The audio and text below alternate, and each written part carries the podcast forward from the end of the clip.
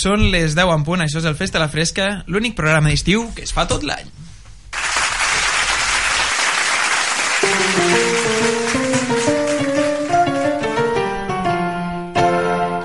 Des de les zones radioelèctriques, amb tots vostès i per tot Catalunya, comença el Festa La Fresca! On avui repassarem l'oferta cultural i no tan cultural amb el nostre crític de capçalera, Adrià Torra! ¿Lo quieres en una palabra o en dos? En una, mierda. ¿Lo quieres en dos? Puta mierda. Volarem els jocs més inhospitats de la mà de la nostra hostessa insígnia, Laia Teruel! Y voló, me hizo volar y yo volé de él. Coneixerem la millor oferta cinematogràfica d'aquesta setmana amb el deixeble més avantatjat de Monegal, Carles Barberan. Recuerdo que me debes 6.000 pesetas de whisky. També ens endinsarem en el món de la literatura amb la nostra Jessica Fletcher personal, Maria Moreno. Sí! Tancarem la paradeta descobrint Barcelona guiats pel nostre explorador d'asfalt, Miqui Martínez. Ho haveu vist tots, no? Ho haveu vist? La mare que es va venir! Tot això presentat i dirigit per l'únic locutor de Lleida, únic perquè només hi ha un, Roger G. Estic cremat, eh? Estic cremat, al tanto, eh?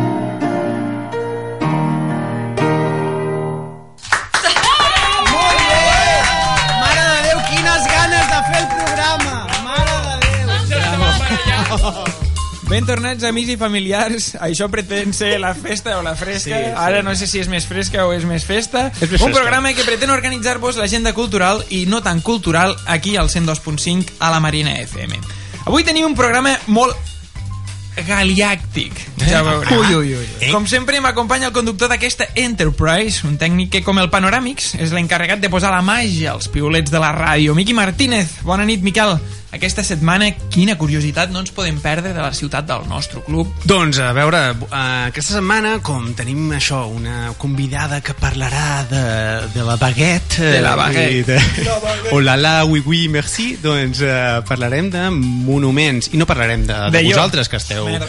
prou bé, Aviam. però parlarem Gràcies. de monuments de Barcelona que tenen a veure amb eh, França. Queda apuntat. Engegarem els motors del renovat Festa la Fresca amb l'astèrix del programa, l'Adrià Torres, perquè com ell sempre t'apunt la seva poció màgica aca, Yeah. cervesa. Adri, què recomanem a aquells que de petits, quan et donaven l'entrepà, posaven els dits per marcar la mossegada? Hòstia, això passava, eh? Sí, sí, no sé sí. si encara passa, segur que sí. Seu... Home, vosaltres ho hauríeu de saber, que sou educadors No, socials. però no esmorzem amb els A- a- nens. allí no, són nens tarda, pobres, treballem no? de tarda, clar.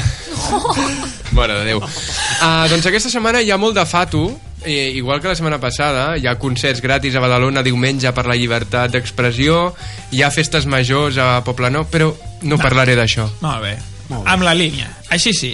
Com cada dijous volarem al destí més barat del cap de setmana amb l'assegurança Tòrics del Festa la Fresca, la Laia Teruel, que com el cantant gal, ella és l'única que pensa que la música que ens posa és genial. Laia, aquesta setmana podrem viatjar per menys de 54 euros, que és el que costarà per cap la broma del Castor. A la Maria li agrada la meva música. Sí. Després d'aquesta part, dir que 54 euros és molt poquet. Vull dir, no... Bastant més. Bla, I no seran car. 80 euros. Molt bé. Avui, com sempre, torna al programa l'heroi del Festa a la Fresca, el nostre cap de garròtics, que com a líder francès mana aquí perquè a casa no li deixen. Carles Barberan, Charles, parlarem d'obres tan famoses com Penetrado en Casa 2, Que Macron. Has vist? Reciclo acudits d'actualitat política internacional, Roger, d'aquí a l'estrellato. Doncs avui parlarem de pel·lícules que no són porno, però tenen un bon francès. o no? Com ens agrada. Això, això. He pensat que quedaria bé aquest any. Aquí. Sí, molt improvisat. Marxarem a publicitat després d'escoltar la carabel·la del Festa la Fresca, que, com la dona del cap, ella sap perfectament qui mana aquí, però li rota. La Maria Moreno, que per cert va complir 29 anys, eren? 29 anys la setmana passada. Un aplaudiment per la Maria! Cava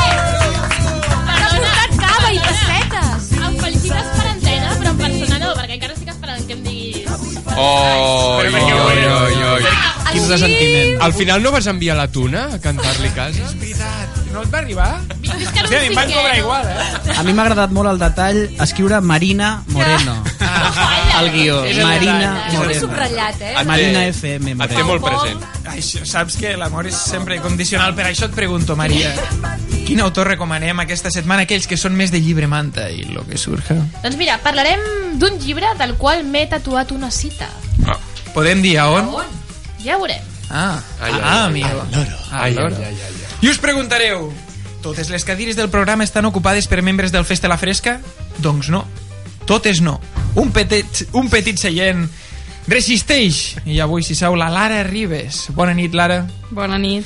La Lara està col·laborant amb el diari Ara a la secció de política internacional i avui ens parlarà de la política gala, avui en dia més coneguda com política francesa. La primera pregunta és clara, Lara. Per què el cognom de Marí no acaba amb on, com els altres candidats Macron, Fillon i Melenchon? Aquesta sí que no me l'esperava, eh? No, és broma. Qui és Macron? Va, qui és Bracón i qui en sabe ell- d'ell? Doncs Macron és un polític que podríem situar al centre, ideològicament parlant, tot i que ell ja es vulgui definir que no és ni d'esquerres ni de dretes. Això, quan te diuen això, ja tires cap Clar, a la dreta ja- bastant. només et queda el centre, llavors, Sí, sí. eh? El situaríem, doncs, al centre i podríem dir que és un personatge que es declara mm, europeista. Mm, per això podríem és un, és un dels motius pels quals podríem dir que ha guanyat perquè França és un dels fundadors de la Unió Europea. I sembla que, que porta una mica de llum a Europa després del que hem vist en els últims temps. I no podríem dir que ha guanyat per incompareixença del rival? Per perquè- incompareixença, què perquè- volem dir per incompareixença? Pues perquè, clar, si mos fiquem en una votació i m'han de votar a mi o a Ro- Roberto Chiquili 4 o Rodolfo, pues, evidentment... El de la guitarra guanya. Clar, és com si et toca guanyar la Lliga contra el Celta, no? Que dius, Sí. clar, dius, Evidentment ha influït molt el rival de Macron en la segona volta, sobretot vull dir, davant de Le Pen la majoria de vots que ha obtingut Macron han estat en contra de l'ultradreta, I amb, bàsicament. amb això que deies de no sóc ni de dretes ni d'esquerres, recorde molt el discurs del cunyat d'Espanya, crec jo, de- d'Albert Rivera.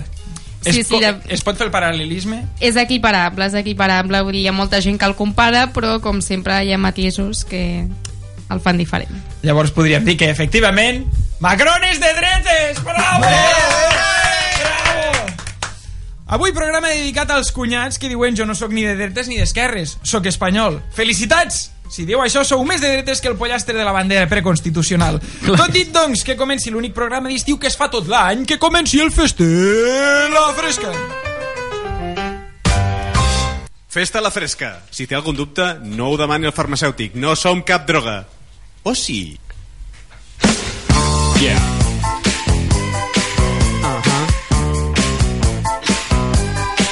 Del free. Ah, això esperava. Del free. Del free. Engeguem el motor del renovat Festa la Fresca amb el trempat de l'Adri Torres per demostrar que no surt més qui té més pasta, sinó el que millor s'ho munta. Quines activitats o esdeveniments en recomanes avui, Adri? Bona nit, estimades i estimats... Uh, radio oyentes. I oyentas. Aquesta setmana...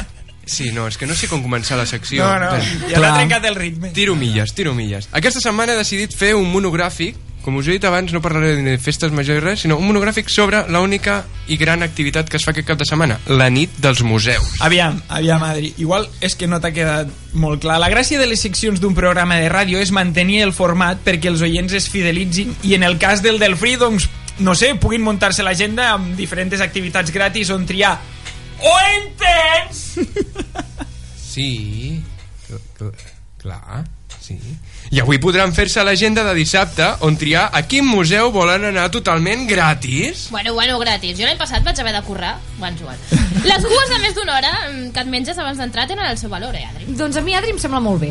A mi també, per fi, parlarem d'activitats culturals de veritat, com anar a visitar museus i no pas beure cervesa. Ah, Bueno, jo no, eh? Jo ho deia perquè així el Roger es quedarà sense plans de borratxo misogen. Oi, oi, oi. Ai, ai, Laia. Que poc en saps, eh?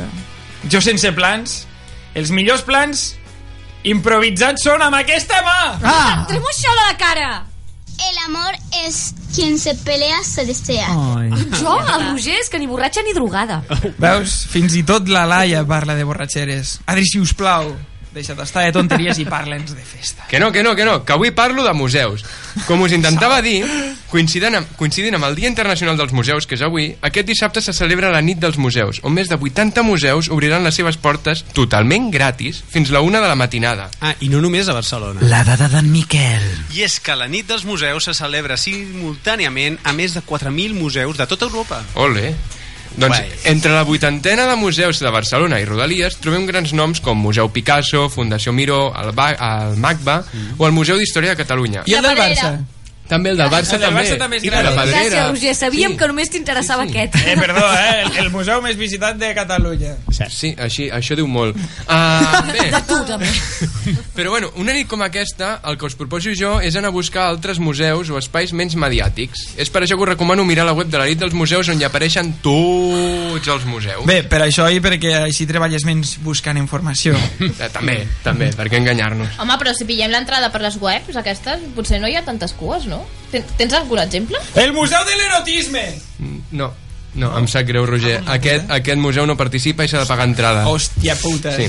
I és més car. És- Però bueno, que de debò que hi ha des de rutes guiades per la muralla romana, visites al refugi antiaeri del Poble Sec o entrar a la Gran Lògia de Barcelona, que no sé què és. La Gran Lògia és la seu de la maçoneria catalana. Ostres. Això és part de la Barcelona invisible als ulls. M'ho apunto, això, eh? Aquests toquen calé, eh? Aquests toquen calé fort. Veus, Roger, com hi ha coses interessants més enllà de la cervesa al carrer? Perdona. Perdona? Per- Perdó. Ah, estava mirant Twitter. Estava, perdona, perdona. Et Estava perdono, mirant... et perdono. Ja, ja, ja, ja s'ha acabat, Adri? Ostres, Roger, de debò, eh? Se'm trenca el cor veure-te així, a- així de tonto, eh?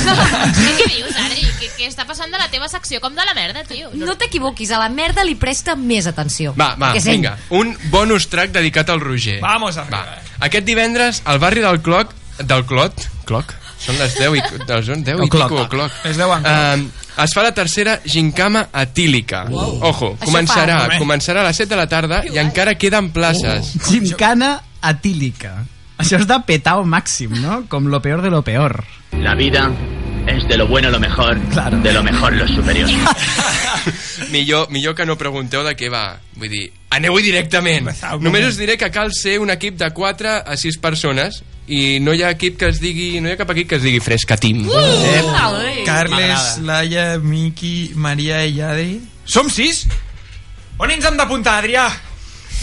Doncs a la pàgina de Facebook del Barraquito del Clot, però, però ara en sèrio, compis, no crec que sigui una bona idea perquè... Barraquito del Cloc. Perfecte, moltes gràcies, Adri, no, per però que no és una bona idea, eh? debò. Jo amb el Roger no hi vaig, eh? De fet, hem d'entrar amb els pantalons abaixats. Moltes gràcies, Adri, per tornar a demostrar que qui es queda a casa sense pla és perquè vol.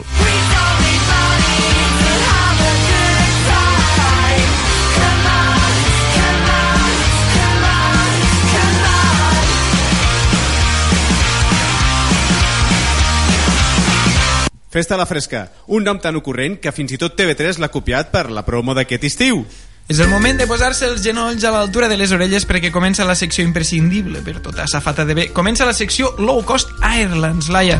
Podrem viatjar per un preu més econòmic que el que paguen les cases d'apostes per un Madrid campió de Lliga. Doncs per una miqueta menys, aquesta setmana farem una rutilla per aquelles ciutats a França que han vist néixer els seus últims presidents. Agafarem un vol a París per 128 euros amb Ryanair. Això sí, no passem tot el cap de setmana fent cua a l'aeroport de Barcelona. Calla, calla, Carles, però un dia que sembla interessant el viatge, tindrem el gran honor de fer una visita a la preciosíssima Carla Bruni que ens canti allò de... On me dit que nos vies ne valent pas grand-chose, elles passent en un instant sé. comme frânent les roses. La canta despullada. Que le temps qui glisse despullada. Sí, veritat, jo es no nota. Aquesta és la dada important. Roger, moltes gràcies perquè jo veig que això ho fas per elevar aquesta queixa contra un sistema patriarcal que només posa el poder a homes i fa de les seves dones objectes bonics. Gràcies, gràcies. T'has reconvertit. Eh? Ah, sí, sí, clar, totalment en contra, Miqui, totalment en contra. Torna, torna... Que Roger, que t'estic veient la cara de viciós. I les mans amagades sota la taula. Pots fer el favor de comportar-te? Mira que com et torni a passar la mà per la cara, com abans. Sans faire des manteaux.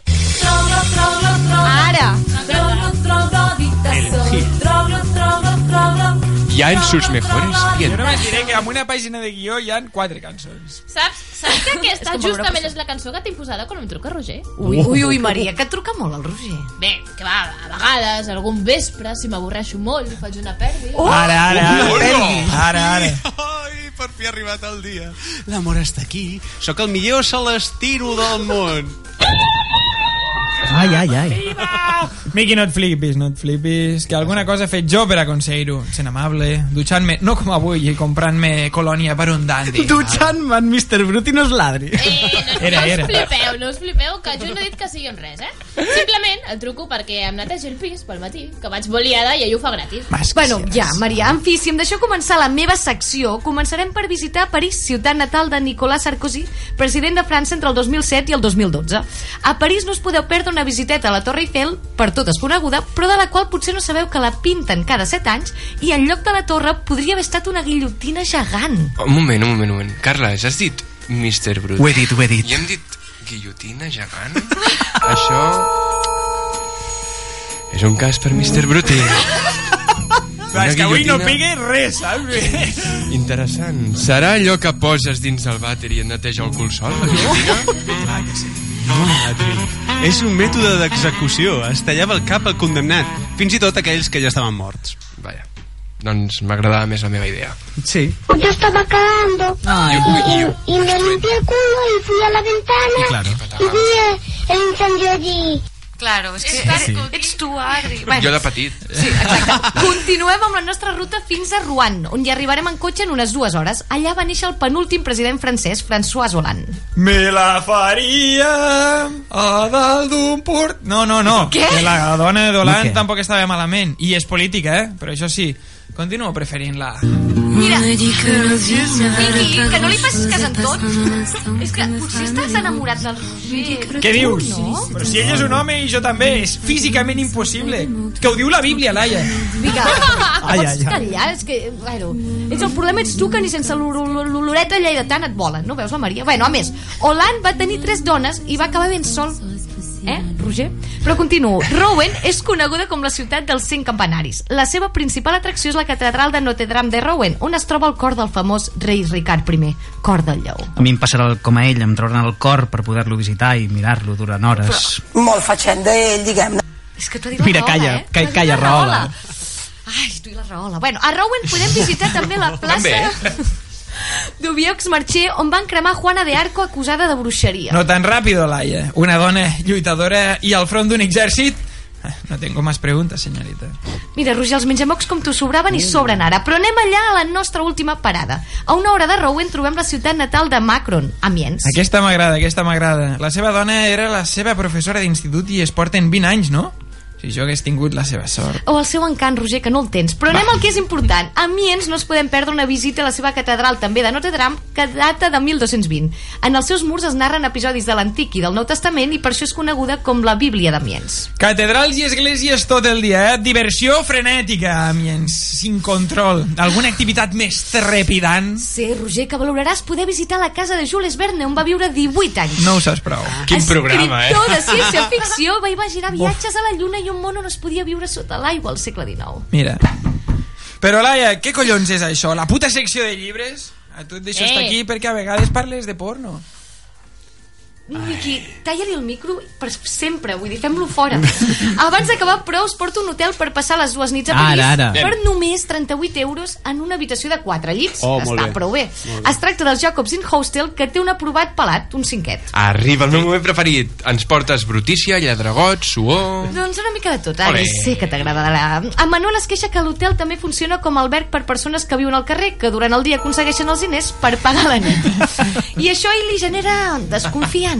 Desconfiança? Mm, No sé per què ho dius. Et poden robar el cartó de vi, canviar-te la manta per uns cartons, no sé. A mi m'encantaria. Tio, mira que ets de poble petit. Això són prejudicis. Qualsevol dia pots acabar tu vivint al carrer. I llavors què? Al carrer.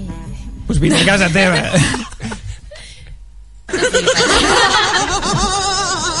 que natural i que ben fluid. Bueno, per acabar, la més inquietant és la Carina, que d'aquest hotel comenta que les persones d'oficis varis són una mica imprudents i atrevides. Qui, qui? Bombers, escorreixamanelles, advocats, qui? Bueno, jo estava pensant en aquests oficis, Adri. Aquesta setmana, ruta per les ciutats franceses dels presidents per uns 170 euros, més econòmic que els 20 milions d'euros que es va gastar Sarkozy en la seva campanya de 2012 i que els va amagar. Fins la setmana que ve, Laia.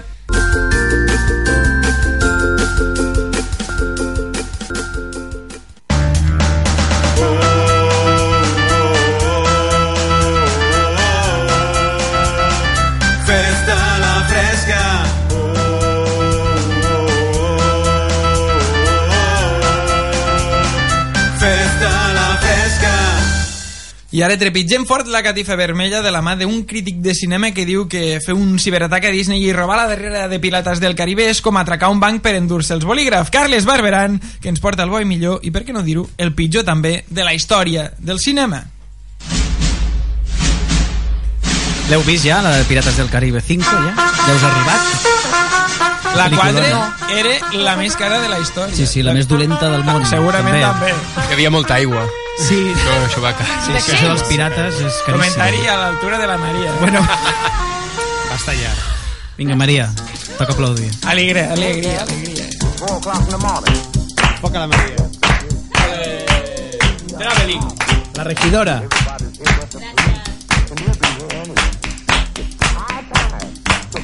Ui, que llarg avui. Hola, morets, què, què tal Eurovision? No. És, és increïble aquesta cançó. Si escolteu amb atenció, cap al final s'escolta una miga del nostre programa. És molt subtil, però si pareu atenció ho escoltarem. És la cabra Candela. Però, Carles, la teva secció tracta de cinema no, no em feia per algú tan musical. I això no és música, però bé, després d'aquesta introducció que no té res a veure amb la secció d'avui, però me la feia a sobre, anem a parlar de... De cinema francès a la fresca. Hòstia, Oh, sabia, molt sabia que eres hipster, eh? Però esperava que no arribaríem a aquest punt, Carles. No, home, no. O sigui, bé, tant és. Avui el que passa és que ens quedarem a Europa perquè, com parlem de les eleccions del pedazo de Macron aquell, avui parlarem de cinema francès a la fresca. Ai, ai, ai, ai, ai, ai. Què t'ha fet la secció la Laia? Vale, vale, vale. vale. Mare de Déu. És que és el meu fan, el Carles. Però parlarem de los chicos del coro, és que és tan bonica. Doncs sí, molt maca, però no... Parlarem, parlarem de la vida d'Adel, que tracta de la història de dues lesbianes. Que, que no... Jo, jo, Carles, jo, jo, jo. Eh, parlarem d'Intocable, Amélie, i de Artist. Eh, no... Bu- Bueno, sí, Miqui, però això se li diu spoiler, havies de dir una pel·li només, i una de les Ah. que no parles avui. Bueno. Bueno, doncs anem amb la primera pel·lícula d'avui.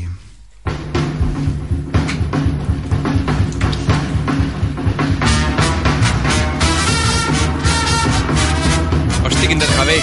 Sí, com...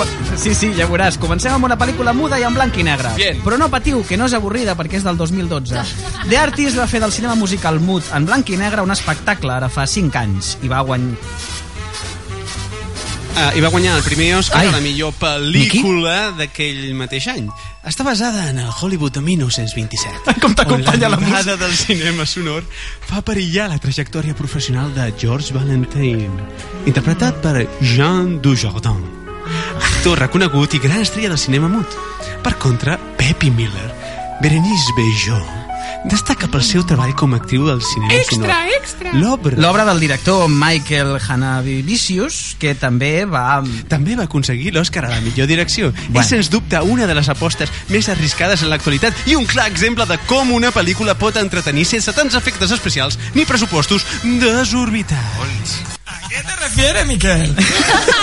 Però això què collons és? És, és la secció de cine o una pelada una pelalla de gallà? Una pe pelalla. Què estàs fent? Mira, Se l'està les mans, pelant. Però mireu-li les mans. Jo crec que és el gall del Manel Rabarro. Muñeco Manel de Navarro. Muñeco de barro. Muñeco de barro. Quin nivell, eh? Quin nivell. Sí, Maria. Estava fent de càmera a Sí, la ràdio. Bueno, és igual, avui ja... Si no, no teníem ganes de fer aquest programa. Sí, Maria, anem i continuem amb la següent pel... Un moment, un moment, un moment, un moment, un moment. No hi ha nota de Film Affinity? Però calla. Vale, estimat mesquí. The Artist s'endú un 7,7 sobre 10 a Film Affinity. Recondueixo això, Carles. Color i diàleg, sisplau. Vols color? Anem amb Intocable. ¿Cuál es su motivación primordial? El dinero. Me encanta el barrio. Me gusta la gente disminuida. Si consigo tres Eso negativas, sí, me dan ¿no? el paro. Ya, comprendo lo del paro. ¿No tiene otras motivaciones en la vida? Claro que tengo otras. Aquí mismo tengo una. Pedazo de motivación. Música clàssica i rap, vestit i xandall, dues persones totalment oposades gesten una amistat a partir de la relació de cuidador que es crea. Philip, interpretat per François Closet, és un ric tetraplègic que contracta a Driss, interpretat per Omar C. Sí. Bueno, Sí, és igual. Un sí, immigrant sí. d'un barri marginal perquè sigui el seu cuidador domèstic. Ai, sembla com si encara estiguéssim estudiant junts a la carrera d'Educació Social, Ai, sí, eh, eh? El dia a dia entre tots dos marcarà les bases d'una relació efectiva on Philip aprendrà a divertir-se. Idris durà a terme el sentit de la responsabilitat. Una pel·lícula imprescindible on els valors de l'amistat tindran com a banda sonora la música de Ludovico Einaudi. Aquell del pianet, no? Todo negro lo veo. No, el negro, com vostè diu, és el cuidador. I què la nota de Film Affinity? Intocable, benvolgut Ronyós, té un 8,1 sobre 10 a Film Affinity. Quan millor són les notes... Sí, sí, és boníssima. Quan millor són les notes d'aquesta secció és quan no parles de pel·lícules d'estrena. Bé, Sí. anem acabant amb aquesta secció de baguet, bigoti i lo que surja. Doncs acabarem amb la joia de la corona. La joia de la corona. La corona. La corona de tothom or. fa or, Eh? S'escolta Melí, Sí. Com tu. Avorrit, imbècil. La banda, la banda sonora que ja no necessita presentació, perquè amb Amélie, l'actriu protagonista Audrey Tautou va aconseguir un gran ascens en la seva carrera professional. D'una originalitat acalpadora, Amélie és una noia única, especial i diferent, i que amb 22 anys decideix millorar la vida dels I altres. una mica Asperger, també. Calla. Ja veuràs, ja. Juntament amb un guió, Carles, excel·lent, Sí, els sí, sí. personatges mostren diverses peculiaritats reconeixibles que atorguen una essència particular. Recolzada per la banda sonora de Jan Tiersen, Aquesta, que bé, aquesta. que Oi, oi, oi. el francès, eh? I gràcies a la qual l'Evalsen d'Amélie s'ha convertit en una de les cançons més interpretades en piano i més conegudes del món. A tu casa. Però bé, bé, bé, bé, què passa amb aquesta pel·li? A mi, a mi no em va quedar massa clar. la Doncs deixeu-me que, que, que acabi avui la secció amb un nou amic del programa, un youtuber anomenat Thorman, especialista en la sintetització de films en 30 segons. Ostres. Vamos, que parla molt ràpid. Atenció, perquè la cosa va així. Endavant amb el rap. Hola, soy una voz en off y voy a contar muchas cosas innecesarias para hacer la película más mágica. Este es el padre de Amelie, no le gusta mear, esta es la madre, la madre se muere, esto es una mosca, la aplasta un coche. Vale. Esta es Amelie. Hola, soy Amelie, estoy como una puta cabra. Nosotros somos personajes pintorescos. Yo soy un tío un poco más normal, pero como me pegaban de pequeño, colecciono chorradas. Oh, he encontrado una colección muy rara de un tipo que no conozco, me he enamorado de él, voy a acosarle. Una chica misteriosa me acosa, tengo mucha curiosidad por saber quién es y también de un tipo calvo del que tengo muchas fotos. Ese calvo es un tío que arregla fotomatones. En vez de decírselo, se lo haré saber con pistas porque además de loca soy muy insegura. Por fin te conozco en persona, Amelie. Oh, oh, esta tía está como una puta cabra. Esta historia de amor no tiene ningún sentido, pero como la fotografía y la música son bonitas, mola. Fin. Què, què tal, Roger? Ho has entès? Hòstia, a mi m'ha anat bé perquè estàveu tots parlant de pel·lis i jo no ho entenia. Ja, ja, ja, doncs mira, en un moment. Doncs per acabar-ho d'adobar, Thorman ens crea un personatge típic i tòpic que ha anat a veure la peli, d'aquells que fan tanta ràbia, ja veuràs. Oh, es mi película favorita. Es tan mágica. Bueno, me voy que llego tarde a mis clases de pintura y luego he quedado con mi novio activista para comer en el McDonald's. Amb la Hòstia, Maria, però no Maria. sabia que tenies parella, tia. Què voleu? Pues jo què voleu que us digui? Més clar l'aigua, eh? Cada dia et veig més perdut, Carles. No sé què farem. Jo, ja ho sabeu, aquesta setmana podeu repassar els clàssics francesos d'Artist Intocable i Amélie al sofà de casa vostra. Fins la setmana que ve, Carles. Adéu, amorets. Pues lo que deia. Podem Amélie. adoptar aquest, aquest personatge? En Thorman. Bueno, l'anirem incloent. Podem resumir les pel·lis al Sí, del... de fet, mos podríem petar llibres i ficar la Sí? Quina, quina Fem- obsessió, eh? Però, El- Roger, el si la Maria marxa, què faràs? Perquè mira... Oh. Ja veuràs. Mira, s'ha quedat en Li plouen ofertes, eh? Ja, ja, molt bé. Ei, tios, què us sembla si ens muntem una festeta aquí? Vale, vaig a la nevera a buscar unes birres. Porta, porta, com a mínim mamarem una mica. I, tios, no queden birres, només hi ha una llet escremada. Mala llet, també. Quan són les 10 i 28 minuts al Festa la Fresca arriba l'hora de la nostra particular Dorothy de Mago de Oz, la Maria Moreno, per parlar de les millors curiositats literàries.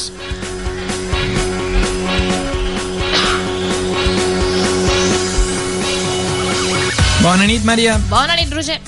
Aviam, Maria, explica'ns això que s'ha anunciat al Twitter del Festa a la Fresca, va. És cert que t'has fet un nou tatuatge? No, no, no. Ja has provat més a absurd, cenar això. Old Brand? espera, espera, que estan saltant talls. Això ja sembla el Víctor Això no va aquí. Nois, la pregunta més interessant sobre el tatuatge de la Maria és on te l'has fet? Què és el que t'havies escrit? L'essencial és invisible als ulls. Ui, ui, ui, ui, espera. A mi aquesta frase em sona i molt. És la frase estrella del meu llibre preferit. I ara, ja, el que dius? Maria, el nou tatuatge té alguna cosa a veure amb el Roger? Ai, jefe, que ara sí que sí. Ai, ara crec que ja la tens menjant de la teva mà. No és precisament de la mà d'on vull que mengi. Mira, ets l'home més desconsiderat que he vist mai, eh? Laia, has probado a cenar Ai, Old Brand? Altra vegada. Nois, nois, no us alarmeu. La frase me l'he tatuat en honor al nostre programa, clar. Després de mesos fent una secció incompresa, que no agrada a ningú, m'he tornat a topar amb un llibre que sé que canviarà tota opinió. Bàsicament, la d'en Roger, que al final és el que parte el bacalao. Ara, Espera, un moment, un moment. Tornaràs a parlar-nos del Kama Sutra? Vamos! Sí, a veure, la nostra audiència no mereix que repeteixin continguts. en Digué l'estimat Gasiu. Bé, bé, no estàs del tot desencaminat, Adri. Eh, repetiré contingut, sí, però aquesta vegada parlant del petit príncep. De mi? Del llibre, cony. Home, Maria, trobo que tu podries haver currat una miqueta més, eh? Vols que tornem a posar per tercera vegada el Tidal Brand, Laia? Maria, has probado a hacer... Maria, de qui ets amiga tu? Maria, Maria, mujeres. Maria, no desviem, no desviem el tema. Penses explicar alguna cosa nova del llibre o la teva secció tornarà a començar a la pàgina 3 del guió? D'acord, jefe, doncs anirem acabant.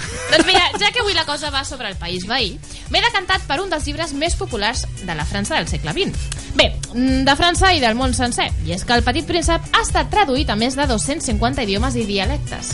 És la tercera obra literària més venuda després de la Bíblia i el Capital. De fet, el, el Petit Príncep va aconseguir tanta popularitat que va donar lloc a un parc d'atraccions sencer. La data d'en Miquel. Em pots explicar per què t'avances i em boicoteges la secció, Riqui? Dona, no et posis així, eh, que no hi ha per tant. Ho veieu?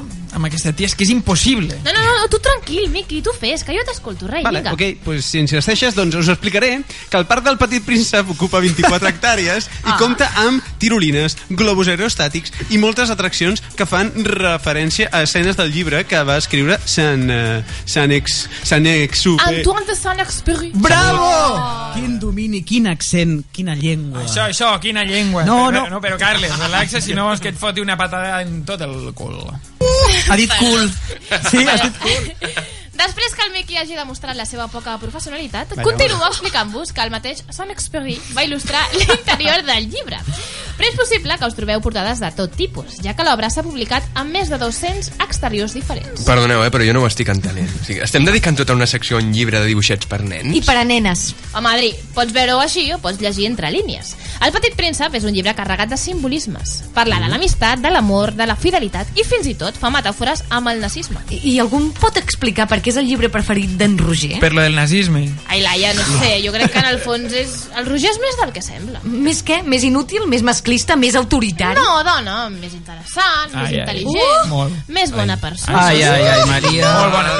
Al Passava final al serà veritat que el teu tatuatge té missatges ocults. Mira, Carles, com diria el petit príncep, el que envelleix al desert és que amagueu un pou a qualsevol lloc. Ho veieu? Maria, t'està menjant el coco. Laia, no. Laia, jo només sé que els ulls estan secs i que és necessari buscar amb el cor. Però, però què dius? Però què et passa? Jo, jo crec que està patint el síndrome d'Estocolm aquell, eh? Potser és un cas per Mr. Bruti. Adri, tio, deixa ja Mr. Bruti tranquil, fill. Ah, bueno, vale. Però, enhorabona, Té per Roger. tothom. Contra tot pronòstic, ho has aconseguit! Si és, que, si és que ja ho deia el petit príncep, només els nens saben el que busquen. Perden el temps amb una nina de drap i la nina es transforma en una cosa doncs molt important. Ah. Jo crec que mai l'havia vist així de rara. No, no, sí, i, i, i no hagués dit mai que la seva raresa es pogués superar, eh? Bé, Maria, i ara que t'has rendit als meus encants, pots, espe pots especificar-me on t'has tatuat? Les zones a les que maten són adolescents que els hi deixen pastissets al, al, a la vagina. Ah. Oi, oi, oi, Què, oi, oi, què, oi, t'ha oi, quedat oi. clar, oi? Vinga, anda, fins la setmana vinent.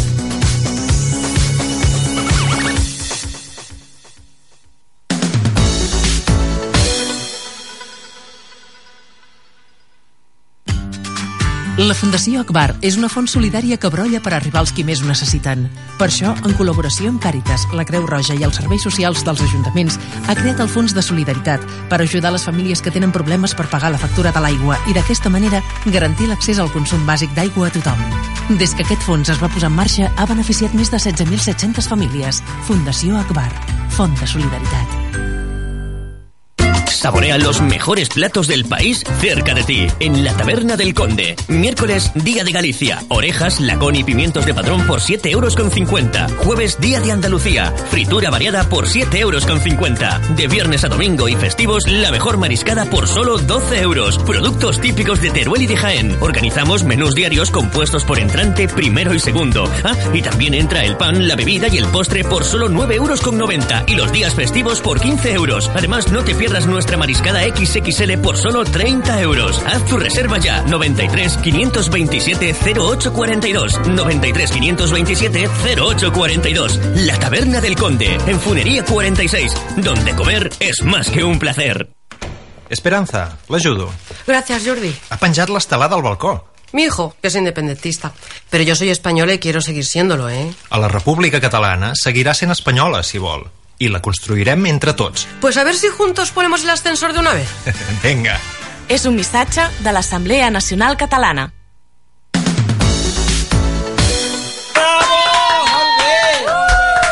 Tornem de publicitat després. Festa la Fresca, l'únic programa de 10 a 11 els dijous Ara, ara. a aquesta emissora. Sí, ara sí. Tornem a de publicitat després d'observar i contemplar el nou tatuatge de la Maria des de la distància. Sí. Quan ja és l'hora que el Miqui ens expliqui alguna curiositat de Barcelona Centralista! que és poc coneguda i hauríem de conèixer el No t'ho pots perdre. Bona nit, Miqui, quina curiositat ens portes avui? Doncs bona nit de nou, Roger. Ja sabeu que sempre m'agrada lligar la meva secció amb l'entrevistat. Tócame la po, ya no te lo digo, tócame la show, rabo de gorrino. Que sapigueu que aquest tall ja no em fa gaire gràcia, eh? Oh, què t'està passant, Miqui? T'estàs fent gran. Una altra vegada, Laia, com la setmana anterior, i et queixes de que en Miqui posi el mateix tall sempre. Tranquil, Carles, avui estic tubet. Deu ser que l'altre dia la Laia em va dir que del programa jo era el millor. El millor tècnic. Ah, ah, això és graciós perquè com ets l'únic tècnic, oi? Adri, oi? Sí. Oi? Sí. Uh, però el millor en altres coses, eh, Miqui? No sé. Sí, sí. Bé. En fi, Adri, les teves explicacions són tan necessàries com la Laia al programa. Però, una altra banda, Miqui, t'he de reprendre. Roger, no podem fer- posar et etiquetes. volem No podem tots, posar eh? etiquetes en aquest A programa. veure, a veure, espera un moment, un moment. Com que no podem posar etiquetes? M'ho diu el tio que ha etiquetat a l'heroi del programa, a l'activista o a la feminazi? O sigui, bueno, és igual. Tutxe. Molt bé, Roger, m'agrada que utilitzis aquesta paraula en francès perquè avui, a la secció, parlarem de França a Barcelona. Musique, s'il vous plaît. Que ben lligat. Oh, Oh, Ratatouille! Ratatouille, sí. La- L'ha enganxat de seguida. Entenc, doncs, Miqui, que parlarem de cuina. O del barri gòtic i les seves ratilles. No, no, ni una cosa ni l'altra. Us vull parlar d'alguna connexió de França amb Barcelona que són ben curioses i que de segur que us sorprendran. Començarem amb l'estació de França. Algú sap per què es diu així? Ah, potser perquè era l'estació d'on sortien els trens que anaven cap a França?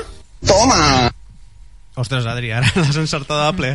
doncs suposo que aquesta curiositat no us ha sorprès gaire. Bueno, bueno, Miqui, a la teva línia. Dir, no? Bé, deixem de costat aquest... Joder, com és la teva línia? Bé, en fi, deixem de costat aquest per anar per la segona curiositat. El Molino. Ara seria molt bo que diguessis que el Molino es diu així pel Moulin Rouge de París. Comprende la filosofía, ¿no?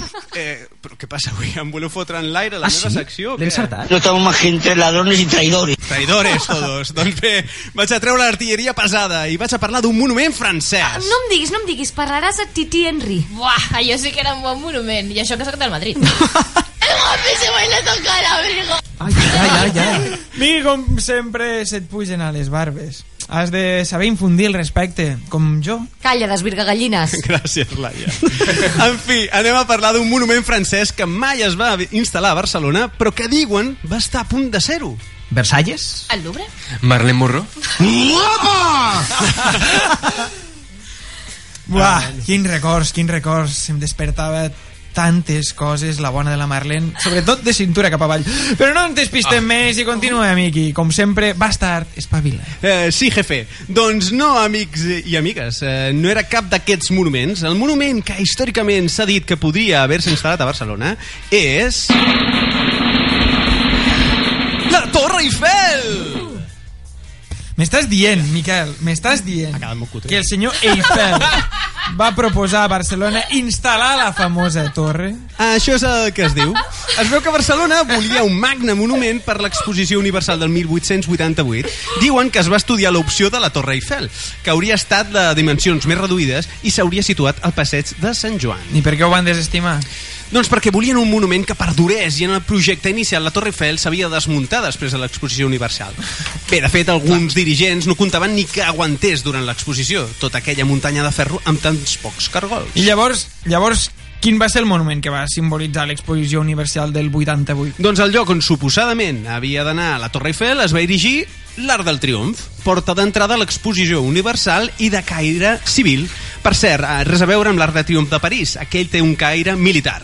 Així doncs què, us ha agradat aquesta curiositat que la Torre Eiffel podria haver-se erigit a Barcelona?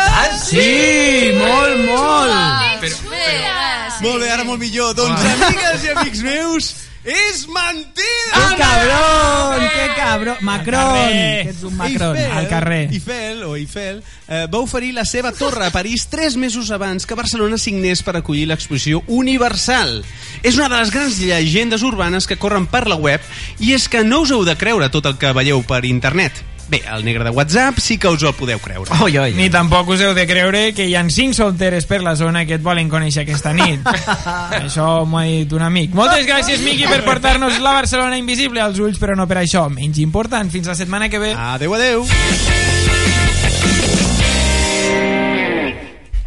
Festa la Fresca, l'únic programa amb un premi Men's Health als millors pectorals 2016.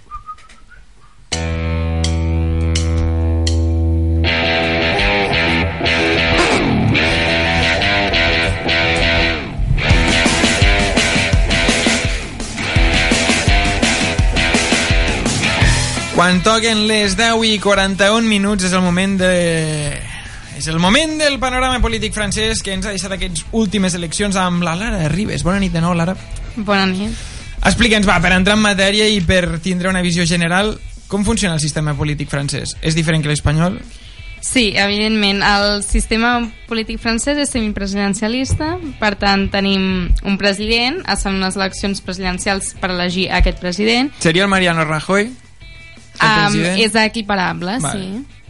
I després hi ha unes eleccions legislatives com les que podem tenir aquí a Espanya, en què es vota, vull dir, allà li diuen Assemblea Nacional en comptes de Parlament, però també té dues cambres, la, la Cambra Baixa i el Senat. Seria la distribució dels grups polítics al Parlament i Senat.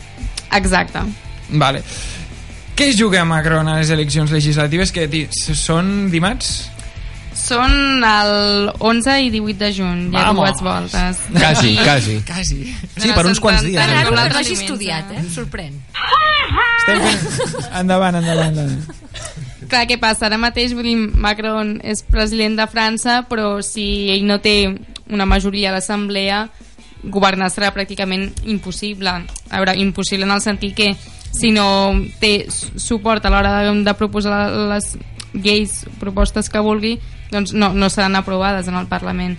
Per tant, ara mateix s'hauria d'assegurar tenir aquesta majoria al Parlament per poder governar amb total tranquil·litat, si no tot el que proposi li aniran enfonsant. És per això que proposa un primer ministre de dretes, és a dir, per captar electorat per a aquestes eleccions legislatives? Clara, tota l'estratègia que està muntant va en aquest sentit, vull dir, ha elegit Eduard Philipp com a primer ministre, però després també ahir mateix va anunciar tot el, el, el seu govern i és, mm, no es, podem dir que és de dretes, mm, tampoc d'esquerres, però és completament divers, vull dir, variat. Allà hi ha mm, membres del Partit Socialista, del Partit Conservador, d'un partit d'esquerres, del moviment centrista de França, vull dir, hi ha gent de tot tipus, el que busca és aconseguir el màxim de suports de la societat civil. I com ho veus? Tindrà suports suficients per tirar endavant lleis importants?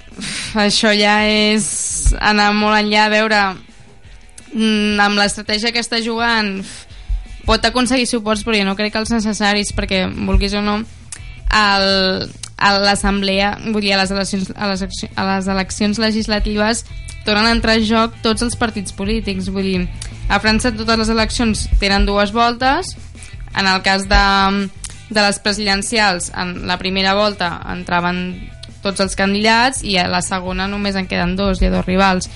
Tots els que en aquesta segona volta van votar per Macron perquè no volien Le Pen, ara les legislatives no tenen per què votar Macron, vull dir, si ells... Bueno, però no seria lògic que votessin diferent, també.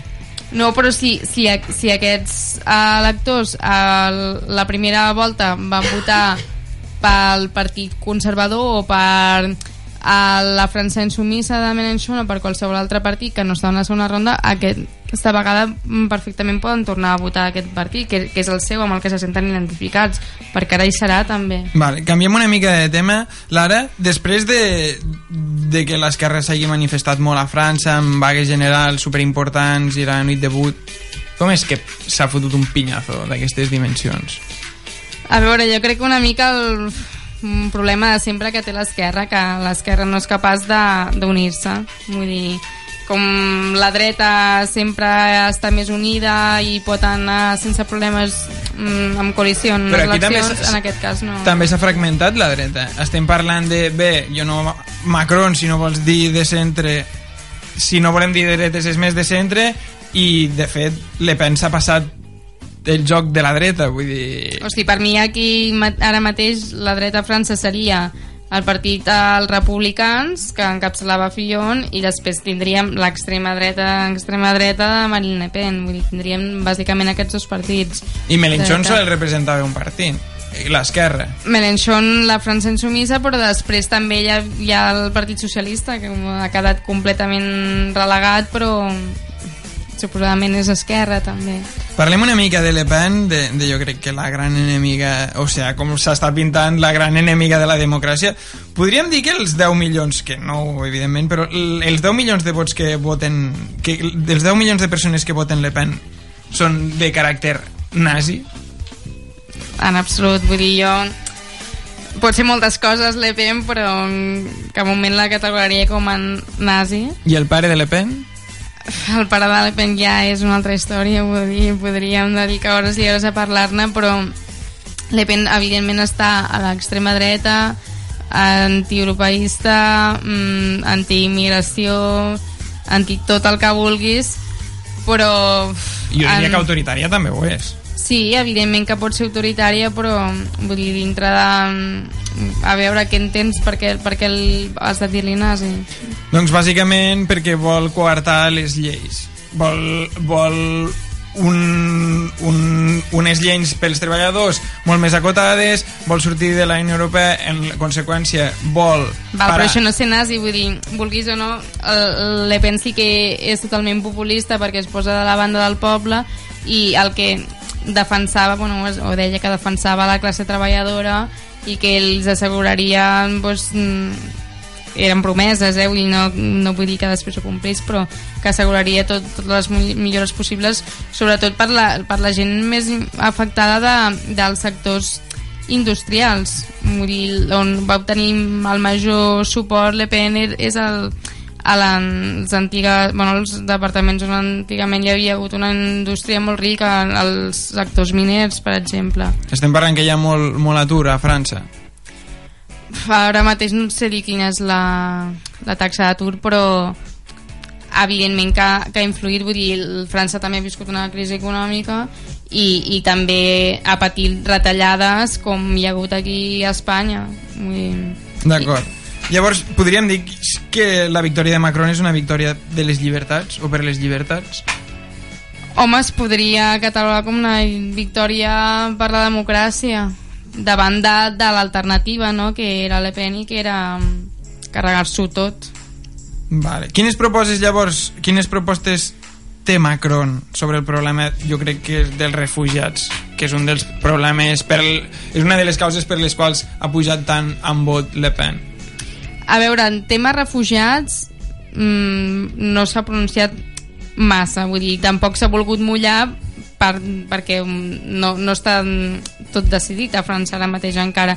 Tot i així, el que no ha parlat de quotes d'acollida, vull dir, no ha dit si incrementarà les quotes o les disminuirà, però sí que vol agilitzar tots els processos. Vull dir, si ara es tarden tres mesos des que mm, una persona sol·licita l'asil per anar a França, doncs ell vol reduir a- aquest temps que en qüestió de setmanes doncs ja, ja es pugui fer tota aquesta paperassa per d'una manera i que puguin venir els refugiats però a banda d'això sigui, no ha anat més enllà no s'ha pronunciat. Simplement és un No eslògan. Volem agilitzar la gestió... O, o sigui, la gestió l'acollida de- d'acollida però no dit n'agafarem més tenim capacitat per fer-ho o Mesures per fer fer-ho. no, en aquest sentit no s'ha pronunciat D'acord. Sembla, pues, llavors podríem dir que és paper mullat. A veure... O, com diu, o sigui, són promeses... Són brindis al sol. Això. Home, de moment tots són promeses perquè vull dir, el govern el Clar, va no, no, crear ahir, evidentment. vull dir, no ha començat a actuar encara. Evidentment, evidentment. Però vull dir, si no portes cap mesura per implementar una promesa, com a mínim... És per no perdre vots, bàsicament. I ara mateix tampoc pot mullar-se perquè si no, no s'assegurarà la majoria que necessita el Parlament. O sigui, Tot és estratègia. Fins a les legislatives... Tot queda obert, tot queda a l'aire encara. Llavors, de seguretat n'ha parlat Macron? O, tam o també... A veure, pel que fa a la seguretat, si ens referim al que és mm, atemptats terroristes, o si França ara mateix està en estat d'emergència, vull dir, porta, mm, podríem, crec que és, és un any ja en estat d'emergència, i Macron, igual que Le Pen, tampoc va fer-ho, no, no va dir si la perpetuaria o l'eliminaria, ni res, en aquest sentit res.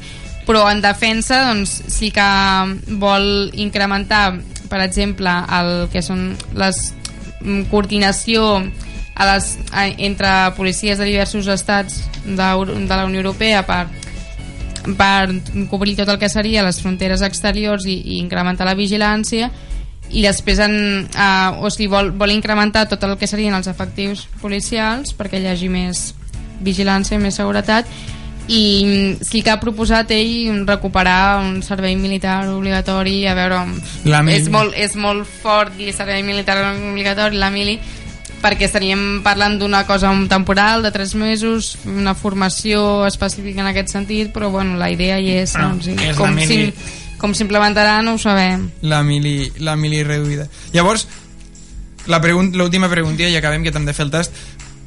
Per què guanya Macron? Macron amb aquestes polítiques simplement guanya per lo que dèiem abans, no? Perquè fa por Le Pen. Clar, evidentment, o sigui, Macron té el mèrit d'haver arribat a la segona volta. Vull dir, ell va, va assegurar... Vull dir, a, a la segona volta és molt fàcil explicar mm, per què ha guanyat, no? Tenia ja els suports que havia aconseguit en la primera, Però si més no- total, va sumar tots els vots en contra de Le Pen, però vull dir, ell ja va fer-se un lloc per estar a la final, no? I en, això es pot explicar mm, per molts factors com pot ser Europa és un dels factors principals podríem dir perquè com he dit abans França és un dels fundadors de la Unió Europea els francesos són pro-Europa mm, vull dir, no, no estava entre les seves possibilitats abandonar-la i Le Pen portava el programa a abandonar la Unió Europea però Mélenchon també volia proposar un referèndum per sortir de la Unió Europea vull dir, no, no era l'única per tant aquest era un dels factors principals D'acord, doncs ho deixem aquí, l'ara és que no tenim més temps, també de fer el test, per això et deixo ja a les mans del Carles Barberà. Bona nit de nou, Lara. Caram, una mica més i, i em caic mort aquí. I benvinguda... Este. Benvinguda a la setzena edició d'aquesta segona temporada del mundialment conegut Test del Festa a la Fresca. Comença la secció I tu de quién eres? En honor a l'espot de Cas Naranja Cas Limón, per allà als 90, contestaràs una bateria de 20 preguntes amb només dues opcions possibles. Com que hem parlat d'eleccions, hem pensat que... Cuidao. Recorda que hem parlat del teu contracte en breus, Carles. Segur que és per ampliar-lo. Hem Sí. pensat que... Segur. Va, que avui és fàcil. Series una persona que faria una bona elecció a les respostes. Ah, avui passa. Encara us ha agradat i tot. dos minuts! Doncs bé, anem per feina. Comencem. Endavant. Sí? Sí, Vi sí. o cervesa? Espera't.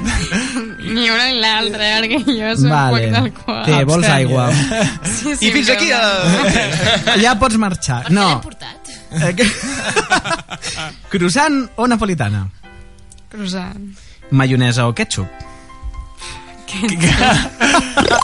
Bueno, de molt moment- convençuda? Pues vinga, va, aquesta. pues, a veure, ara. Ok o de nap? Com, com, com? Maionesa, vale. Aqu- a- a- Aquesta és la resposta que tenim tots. Amb un tiquet per dues birres o un cubata... Aigua, no? Exacte. Vale, totes aquestes primeres m'ho podríeu haver avisat. Pirineu o Costa Brava? Pirineu. Novita o Doraemon? Doraemon. Bola de drac o bola de drac Z?